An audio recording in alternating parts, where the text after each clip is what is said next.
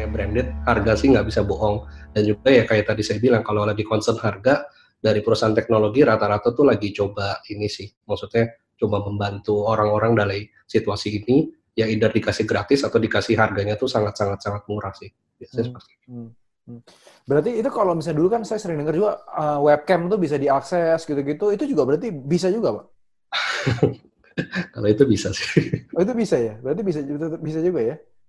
Ah, iya bisa jadi webcam itu eh, ya ada teknik di mana tuh bahkan eh, webcamnya tuh kalau webcam itu kalau kita pakai aplikasi yang butuh webcam tuh kan kadang-kadang ada lampunya Iya, kan iya, iya. jadi kita nyadar bahwa itu nyala gitu yang berbahaya tuh bahkan mereka bisa akses webcamnya tapi lampunya nggak nyala jadi kita nggak sadar sih Wow. wow. itu tuh benar-benar bahaya jadi em, ya bukan enak ngenakutin sih tapi eh, mungkin Rena tahu sendiri kan ada yang jual kayak untuk ngetutup webcam ya biasanya ya Hmm. atau kadang-kadang yang ekstrim di plaster misalnya Hmm. nah itu tuh for some reason for good reason sih sebetulnya sih Dan memang terbukti ya, itu bi- memang bisa. Jadi di- ditutup, recommended itu juga ditutup juga kalau bisa.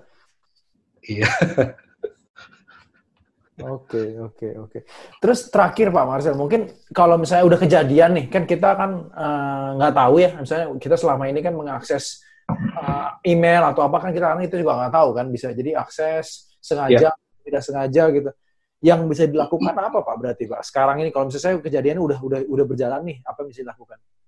Em, kalau sekarang menurut saya sih em, em, mirip-mirip sama tips yang saya sa- tadi bilang sih pertama langsung lihat dari sisi eh, networknya Hmm? langsung tolong dipasangin user and password. Kalau ada pakai default password, tolong diganti. Itu satu. Hmm. Kedua, account apa pun, baik yang internal application atau mungkin dari sosmed atau online shop, segera pasang yang namanya multi-factor authentication, kayak yang tadi saya saranin. Hmm. Ketiga, em, langsung ini sih hubungin ke IT representatif untuk tanya, maksudnya kalau arahan dari kantor tuh sebenarnya pakai antivirus apa sih yang Hmm. bagus. Dan juga misalnya udah ada arahan, ya udah tolong segera diinstal dan langsung nge-scan sih, Hmm. nge-scan. Oh dan terakhir, eh, ya itu, tolong update ke sistem sama eh, Yang paling OS baru. terakhir gitu. Kalau misalnya pakai Windows, ya tolong pakai Windows 10 yang versi terakhir, jangan sampai pakai yang lama-lama. Oh. Dan juga sebisa mungkin arahin eh, user-user kita tuh pakai laptop kantor sih. Sebisa mungkin ketika pakai untuk keperluan kantor pakai laptop kantor. Betul betul. Jadi Dan- kalau misalnya betul betul banget. Jadi kalau misalnya ada dua laptop, ya nggak ada masalah gitu maksudnya. Pokoknya kalau pakai urusan kantor harus laptop kantor, kalau urusan pribadi pakai laptop pribadi. Sebetulnya emang ada beberapa tools VPN yang bisa maksa usernya tuh untuk harus pakai laptop kantor sih. Jadi eh, mungkin kalau yang lagi cari solusi VPN bisa coba cek-cek eh, beberapa brand yang bisa enable itu gitu.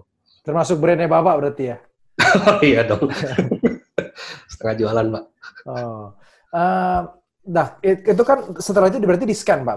Scan virusnya itu berarti bisa bisa ke-detect gitu ya? Kalau misalnya Iya, iya. Uh, Kalau antivirus yang branded, uh, rata-rata sih uh, virus kayak yang tadi saya sebutin keylogger gitu-gitu pasti ke scan sih, Uh, Hmm. bisa di delete sih. Jadi um, karena gini sih, uh, saya lihat beberapa customer saya juga karena tiba-tiba ada kayak gini tuh banyak yang nggak ready juga sih. Uh, terutama perusahaan yang mungkin nggak terlalu IT lah ya. Mereka jadi bingung harus ngapain. Uh, banyak hal yang bahaya sih yang dilakukan sih. Hmm. Contohnya kayak yang tadi saya bilang, aplikasi mereka yang ada di internal network dibuka melalui internet gitu. Hmm. Um, itu benar-benar nggak boleh dilakukan sih sebetulnya sih. Hmm. Tolong segera di uh, dievaluasi lagi lah ya, maksudnya approach untuk uh, work from home-nya gitu.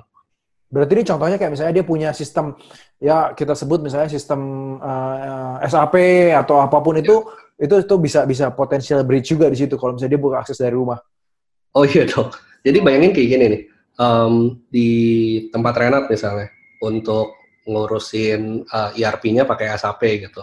Tadinya bisa ngakses SAP itu tuh cuman dari internal kantor kan. Hmm. Nah ini bayangin dari admin IT-nya tuh ngebuka itu tuh lewat internet gitu. Hmm. Hmm. Jadi artinya lewat internet siapa pun bisa ngakses gitu.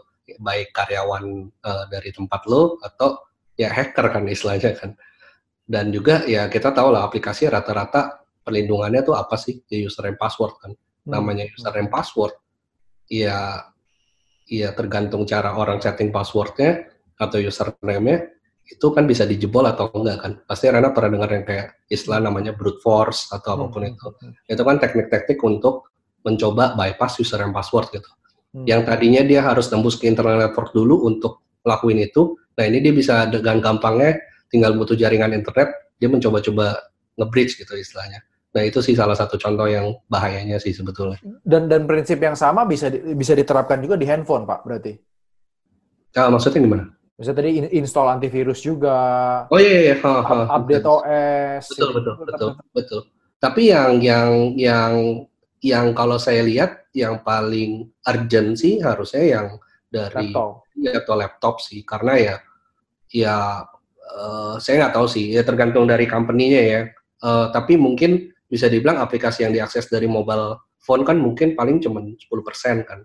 Pasti rata-rata bisa dibilang 90% itu dari laptop lah ya. Nah itu tuh yang benar-benar bisa dibilang urgent sih. Kebanyakan pribadi yang di handphone nah, gitu, ya, Kalau laptop kan belanja ya, online gitu-gitu. Ya, ya, betul betul betul. Tapi sama-sama resiko juga kan basically. Sebetulnya sama sih, sebetulnya sama betul. Tapi maksudnya um, attack-nya pun, attackernya uh, kalau saya lihat ya harusnya itu lebih ngincer ke yang uh, bukan mobile phone sih. Oke, okay. karena yang yang Bapak bilang kayak Netflix tadi itu saya dapetnya dari WhatsApp, Pak. Saya dapat dapat link dari WhatsApp, orang mau ngeklik gitu kan dapat dapat Netflix langganan tiga bulan gratis gitu. Dan, dan, yeah. dan, itu, dan itu dibagikan sama orang-orang yang kita kenal gitu karena sama keluarga, sama temen. Nah itu, nah itu gara-gara dari laptop uh, mobile phone-nya dia tuh udah kena virusnya sih sebetulnya. Dan otomatis kena dia nembak sendiri gitu. Apa Jadi kalau sebenarnya gini sih, virus di cyber ya, itu sebenarnya sama aja kayak virus di dunia nyata sih virus kayak corona gitu ya. Kayak corona ya, kayak COVID-19 gitu. Hmm. Maksudnya mereka tuh emang hidupnya tuh untuk mem, apa ya bisa dibilang goalnya tuh untuk membelah diri kan sebetulnya kan maksudnya kan untuk menyebar lah ya. Jadi satu orang kena pun itu tuh udah resiko banget gitu kalau nggak dijaga baik-baik. Jadi bayangin kalau kayak di um, company Renat misalnya, satu kena gitu. Ya jangan sampai kita sebagai ya mungkin orang yang tahu IT atau yang mungkin manajemen yang melek sama resiko sama potensialnya tuh kayak um, taking it for granted gitu. Maksudnya apa ya? Um, kayak meremehkan gitu ya. Tapi amit-amit nanti kejadiannya kayak COVID-19 kan maksudnya kan. Dari satu kena yang nggak dijaga baik-baik, nggak ada mitigasi apa pun, ya nyebarnya bisa parah gitu istilahnya kayak gitu hmm, gitu sih hmm, hmm. dari satu aja nih eh, bayangin ya uh, saya ada satu contoh ya. Di Singapura itu kurang lebih di tahun 2018 kalau nggak salah. Hmm. jadi Singapura tuh ada aplikasi yang benar-benar um, paling banyak di, mungkin paling banyak dipakai sama penduduk Singapura tuh namanya SingHealth Singapura Health. Jadi uh, Singapura kan kita tahu lah ya uh, dua hal yang kayak BPJS di sini gitulah ya? Um, kind of lah ya, mirip-mirip betul-betul, kayak mirip-mirip. Jadi uh, di sana tuh uh, bisa buat ngeklaim, terus data-data uh, riwayat kesehatan lu mau di Jadi kan kalau di Singapura kan uh, rumah sakitnya udah keintegrate semua lah ya, yeah. maksudnya. Jadi lu mau berobat di mana pun tuh semua udah ada rekornya gitu. Nah jadi uh, kurang lebih dua tahun lalu kalau nggak salah 2018 ya, itu tuh ada hacker di mana sebenarnya tuh hacker tuh ngincar data dari prime ministernya si hmm. Ken Long Nah, caranya akhirnya dia berhasil. Ujung-ujungnya dia berhasil membobol kurang lebih uh, jutaan data pasien. Dia bisa dapat problemnya sama dia, diekspos ke internet, dibocorin data. Sakit-sakitnya gitu. Data uh, iya ya, data pribadinya, data historinya itu kan parah banget kan maksudnya ya. Ya data kesehatan tuh sensitif banget sih menurut gue ya. Maksudnya lu kalau pernah punya penyakit apa atau apa, lu ke publish ke internet gitu. Nah itu jadi si hackernya tuh uh, usut punya usut akhirnya kan dicek kan sama uh, tim forensik IT-nya usut punya usut. Itu tuh uh, cara dia dapetin datanya itu tuh simple. Berawal dari virus di salah satu um, orang yang bisa ngakses ke aplikasi SyncHealth itu internally gitu. Dengan cara kirim email spam eh kirim email. Kirim hmm. email yang isinya tuh virus sebetulnya. Jadi dari dia bisa dia nggak sengaja download virus itu namanya udah di laptop, akhirnya dia connect ke internet network, dia membelah diri, dia itu ujung-ujungnya dia bisa dapat data sampai sebanyak itu. Jadi ya virus itu tuh benar-benar ya ya kayak COVID-19 inilah ya benar-benar berbahaya gitu. Mitigasinya itu harus benar. Nggak boleh reaktif, kalau bisa tuh preventif gitu istilahnya kayak gitu. Oke, okay, oke, okay, sip, sip.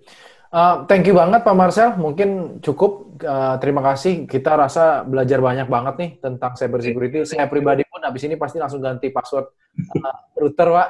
Uh, itu jadi salah satu pembelajaran juga buat kita lebih safe karena uh, mungkin orang banyak fokusnya ke krisis kesehatan, uh, yeah. fisik itu juga memang menjadi penting, tapi data-data privacy kita juga harus tetap dijaga, data-data kantor terutama karena yeah. ini juga memang tadi seperti Pak Marcel bilang momen di mana hacker-hacker yang jahat ini lagi panen-panennya juga, lagi target-target. Iya, yeah, betul betul. Karena fokusnya lagi ke yang lain sih. Betul betul. Oke, okay. sip sip sip. Terima kasih Pak. Thank you Pak. Thank you, thank you. Bye bye.